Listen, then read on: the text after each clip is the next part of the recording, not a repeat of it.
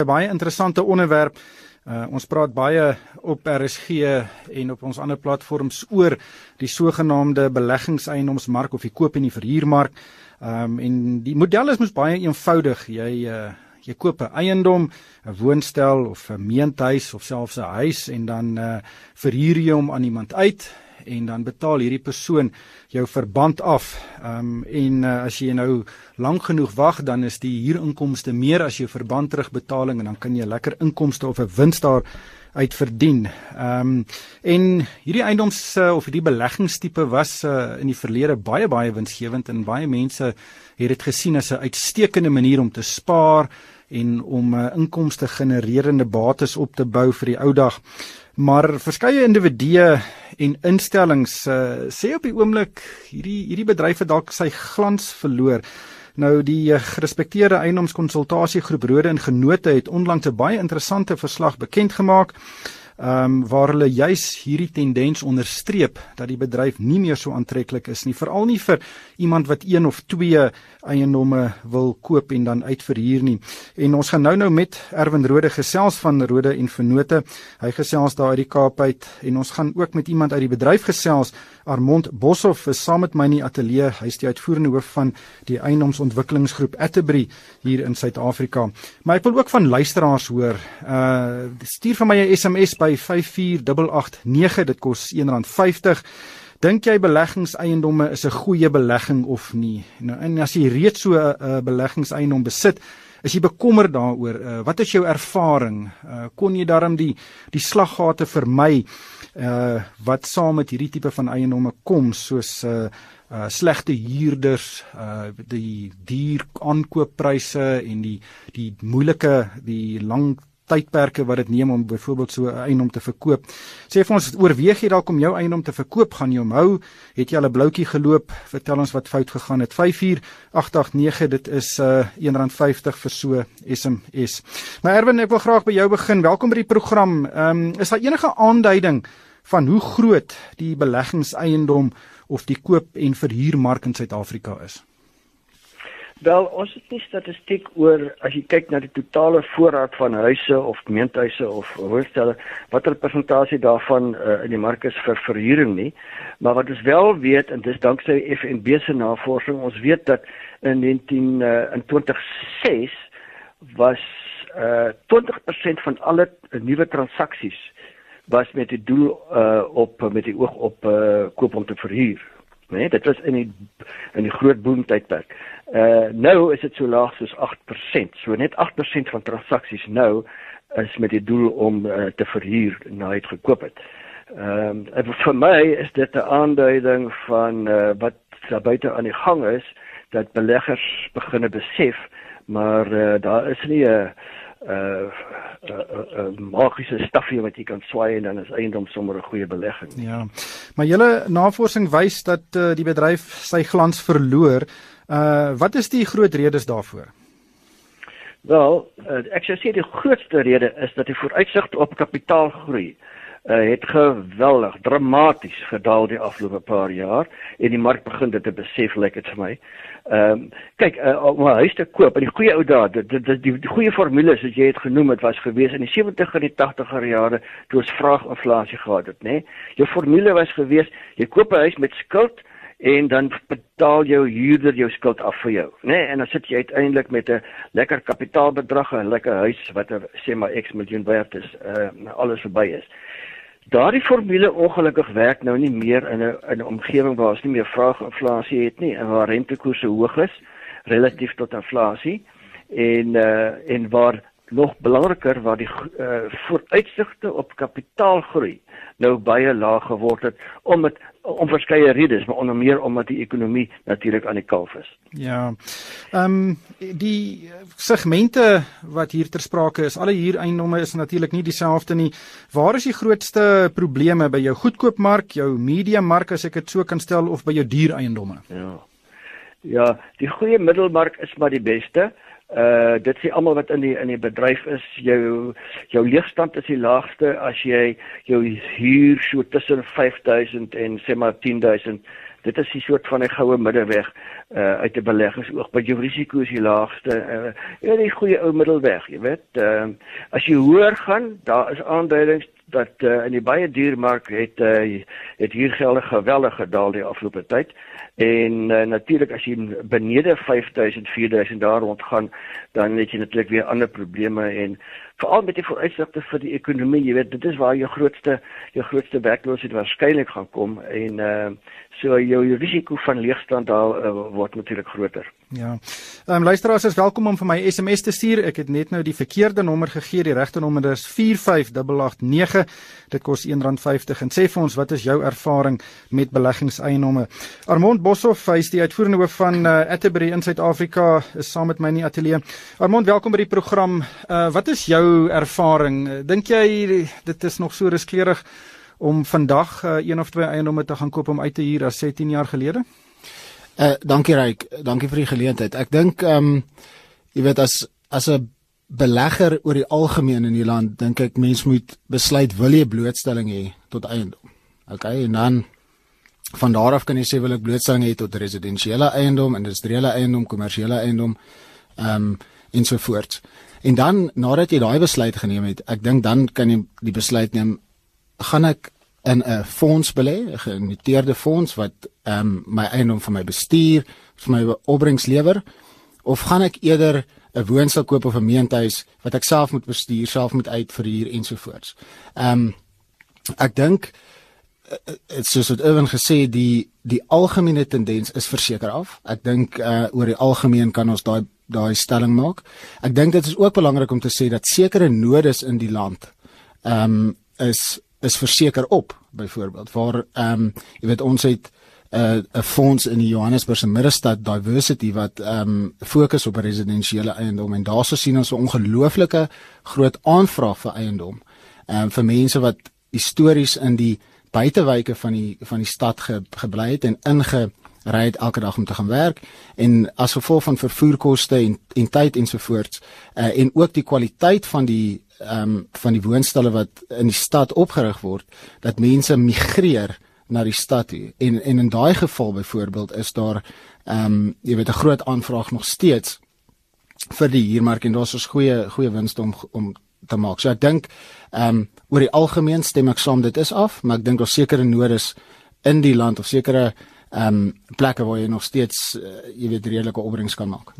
My ervaring met hierdie mark en ek was al iemand wat daar in uh in 'n koop en verhuur eiendom belê het. Ek het 'n bietjie my vingers verbrand want ek het te veel vir die eiendom betaal. Ehm um, en en ek dink dit is baie keer die grootste fout wat jy kan maak. Jy maak nie geld met eiendom as jy verkoop nie, jy maak die geld as jy dit koop hoe hoe lyk pryse op die oomblik? Ehm um, want ons sien in baie indekse dat pryse styg nie baie vinnig nie. Dis eintlik laag histories gesproke.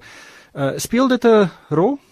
Ek dink dit speel natuurlik 'n rol. Ek ek, ek meen as jy kyk na die opbrengs wat jy maak, dan sal jy vat ehm um, jou inkomste wat jy verdien en jy sal dit tipies deel deur die ehm um, koste wat jy uiteengelê het om te sien hoeveel jy verdien. So as jy uh R100 'n jaar verdien op 'n eiendom en jy het R1000 betaal dan jy 10% opbrengs per jaar verdien. So natuurlik hoe groter of hoe hoër die pryse is ehm um, vir die eiendom wat jy betaal, jy weet hoe, hoe jy moet of 'n hoër aanvanklike huur kry of jy moet staat maak op inflasie wat jy nou nou van gepraat het om jou huur verby 'n punt te, te stel om uh jou skuld af te kan betaal. Okay, so ehm um, dit is die dit is die eenvoudige som. So ja, as jy te veel betaal vir eiendom, dan gaan jy sukkel om my opbrengs te kry. Ehm um, is eiendomspryse af op hierdie stadium? Ek ek dink dit is veral in die in die ehm um, koop om te verhuur mark dink ek. Ek dink die die vraag na daai tipe bateklas is is af en ek dink dit is ook eh, 'n uh, funksie van mense ehm um, wat kan speel in daai mark wat eerder hulle geld in die buiteland byvoorbeeld gaan belê of in 'n ander uh, bateklas as gevolg van politieke en ekonomiese onsekerheid in die, in die land.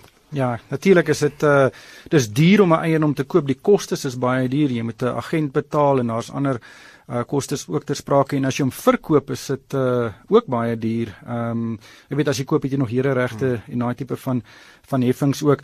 Ehm um, Erwin, hier is 'n interessante SMS en ek dink dit is baie mense se geval, veral mense wat al vir 'n geruime tyd so 'n beleggingseiendom besit en dit is 'n uh, ehm um, Yvonne sê ek verhuur al byna 10 jaar lank my meentuis en ek was nog net gelukkig met my huurders. Ongelukkig moet ek nou meer belasting betaal, maar dit is steeds 'n belegging. En en ek dink dit is die storie. Baie mense vergeet eintlik van sekere heffings soos belasting wat jou opbrengskoers raak. Ja, klaar blyklik as wanneer jy 'n belegging soos 'n eiendom doen, moet jy al daardie uh uitgawes moet jy natuurlik in berekening bring in jou uh, doenlikheidstudie in jou uh, lewensvatbaarheidstudie. Ehm um, ek wil net 'n belangrike punt maak is dat jy op die oomblik uh styg nasionaal gesproke huurgelde nog met so 3% 4% miskien in Kaapstad, uh miskien selfs 5% in Kaapstad. Uh Kaapstad in hierdie opsig vaar effens beter nog. Ehm uh, uh so so so solank huurgelde nog styg, kan jy uiteindelik verwag dat jou kapitaalwaarde sal ook toeneem. Die praktiese probleem is, men jy kan nie soos in die goeie ou dae 'n 90% verband uitneem en en dan hoop om 'n uh, positiewe kontantvloei te hê. Jy gaan negatiewe kontantvloei hê. Met ander woorde, jy moet van maand 1 af moet jy hierdie huis wat jy gekoop het as 'n belegging moet jy subsidieer deur van jou salaris af te vat en in te betaal elke maand om uh, hierdie verband aan die gang te hou. Dit is die grootste probleem. Negatiewe hefboom effek is die tegniese term daarvoor.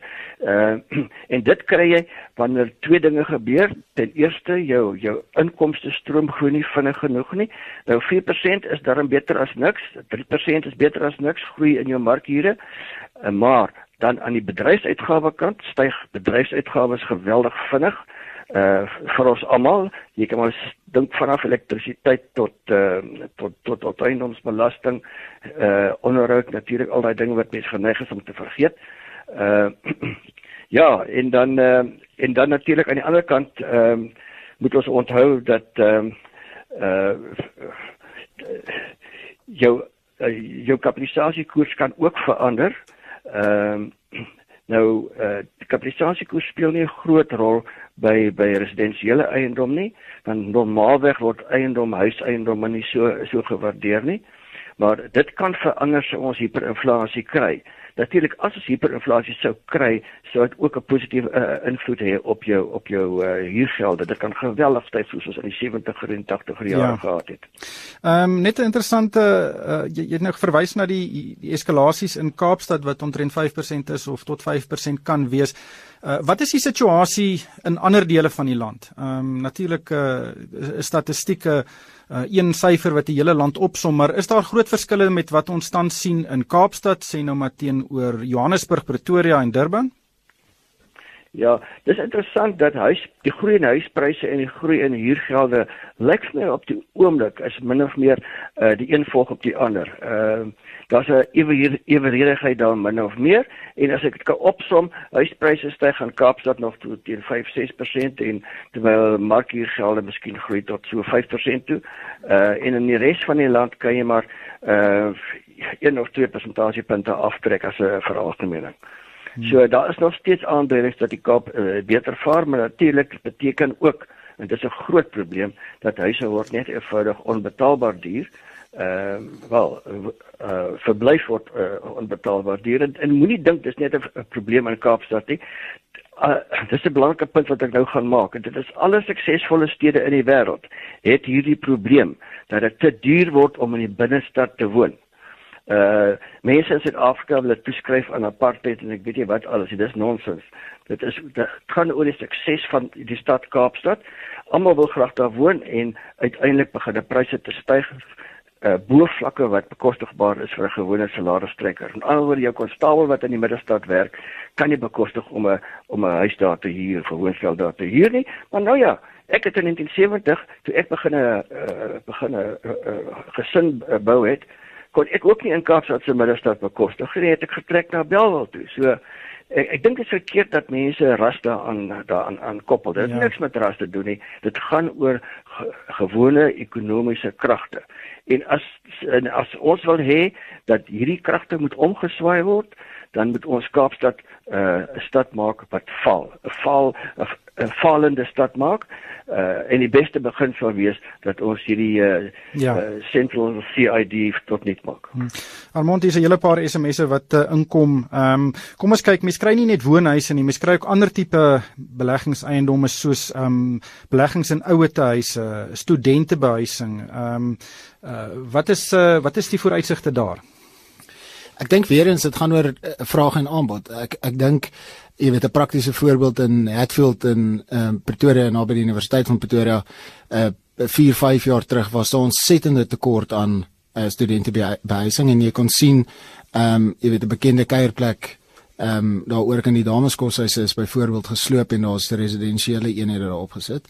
Die die gevolg daartoe is dat daar ehm um, jy weet 'n equilibrium bestaan het en ek dink in hierdie gevalle 'n uh, ooraanbod van van aanbod ehm um, van van eenhede is jy weet so so daaroor kan jy sien ehm um, of jy sal verwag dat die dat die uh, hier wat wat eienaars uh, in daai ehm um, spesifieke area kan vra staties sal bly of of ten minste minder sal groei as gevolg van die van die ooraanbod wat in die mark ontstaan.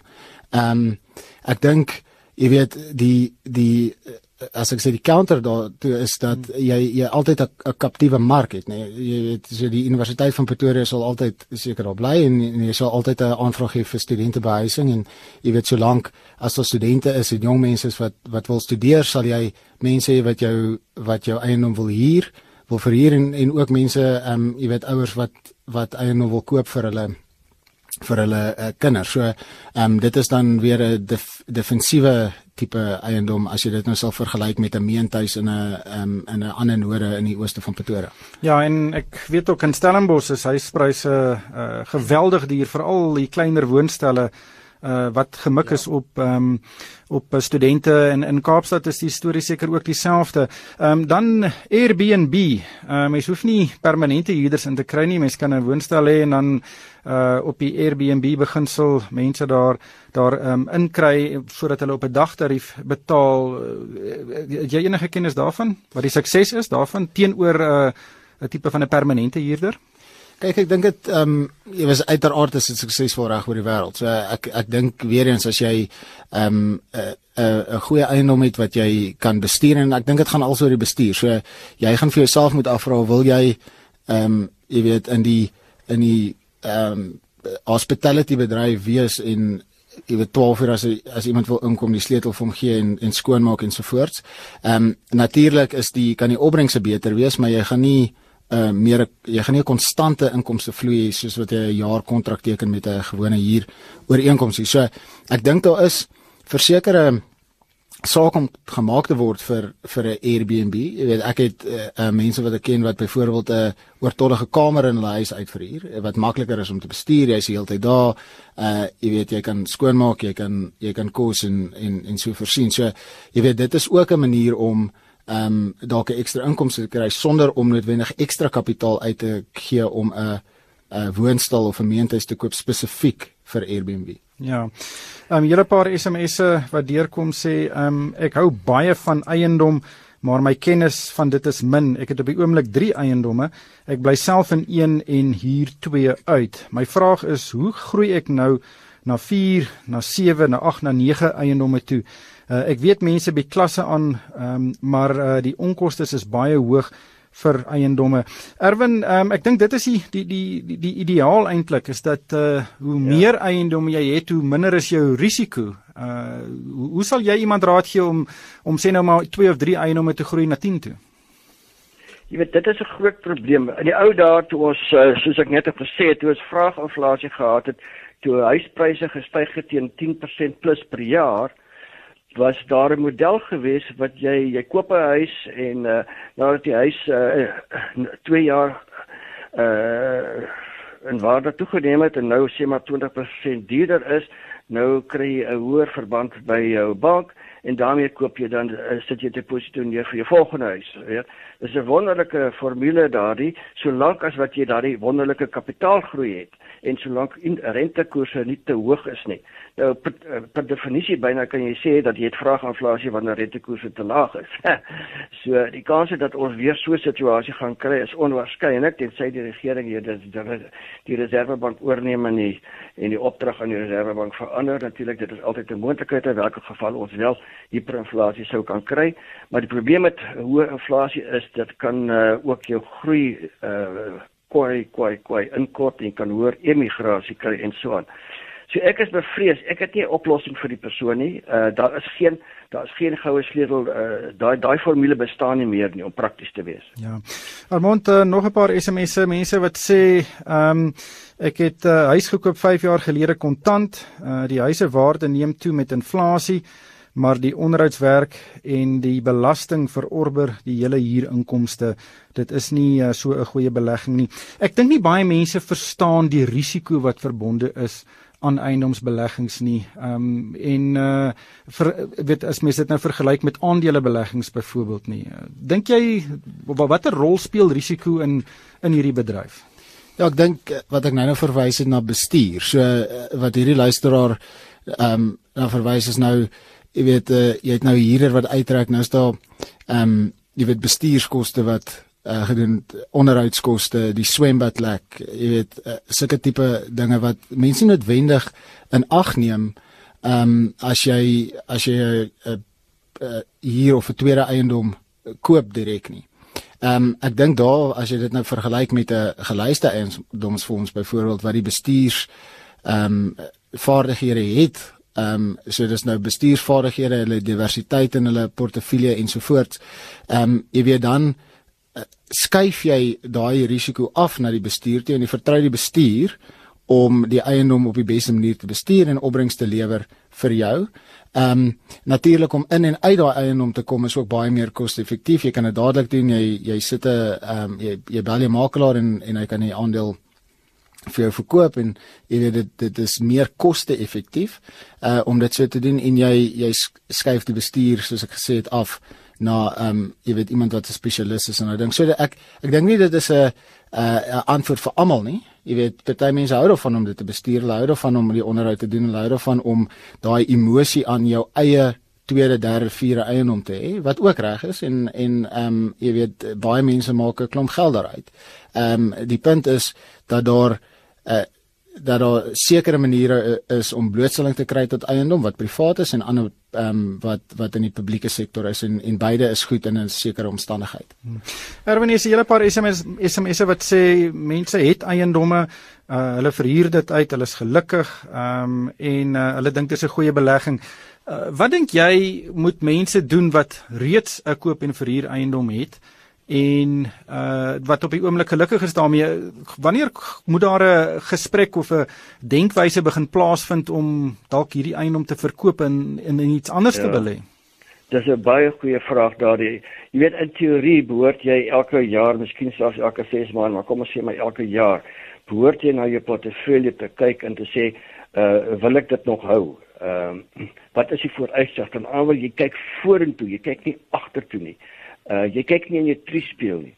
Uh, baie mense sê ja, ek is gelukkig met my portefeulje, ek het goed gedoen, maar dan sit iemand wat sê net maar as 'n voorbeeld, die huis gekoop het in 2005. Uh waarna hy 3 jaar van 'n hoe baie hoë groeikoers gehad het. So hy kyk nog terug na die, uh, die prys wat hy betaal het uh enkele jare gelede, maar hy besef nie dat die vooruitsigte oor die volgende paar jaar miskien baie pateties uh, is vir sy kontantvloei. So so dit is hoekom dit so hmm. belangrik is om gereeld uh, eerlik te kyk na jou portefeulje. Wat is die vooruitsigte? Kom ons doen 'n bietjie van 'n studie in Excel en ons kyk 'n bietjie wat sal gebeur as my huur net groei teen sê maar 4% ja. per jaar ja. of 3% per jaar, maar my bedryfsuitgawes groei met sê maar 7% per jaar. Hmm. Want dit is inderdaad hoe ons as waardeerders as wanneer ons uh, waardasies doen die geskiedenis wys dit in in in in Suid-Afrika. Jou bedryfsuitgawes is jou elektrisiteit, jou jou jou grondbelasting, uh jou onderhoud, al daai dinge styg vinniger ja. as uh verbruikersinflasie. Ja, net laastens Armand, um, ons het nie eens gepraat oor kapitaalwinsbelasting nie. Dit natuurlik verlaag jou kapitaale opbrengs indien jy dit later sou verkoop.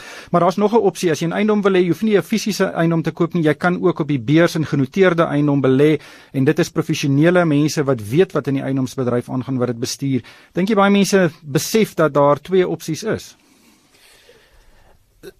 Ek weet nie.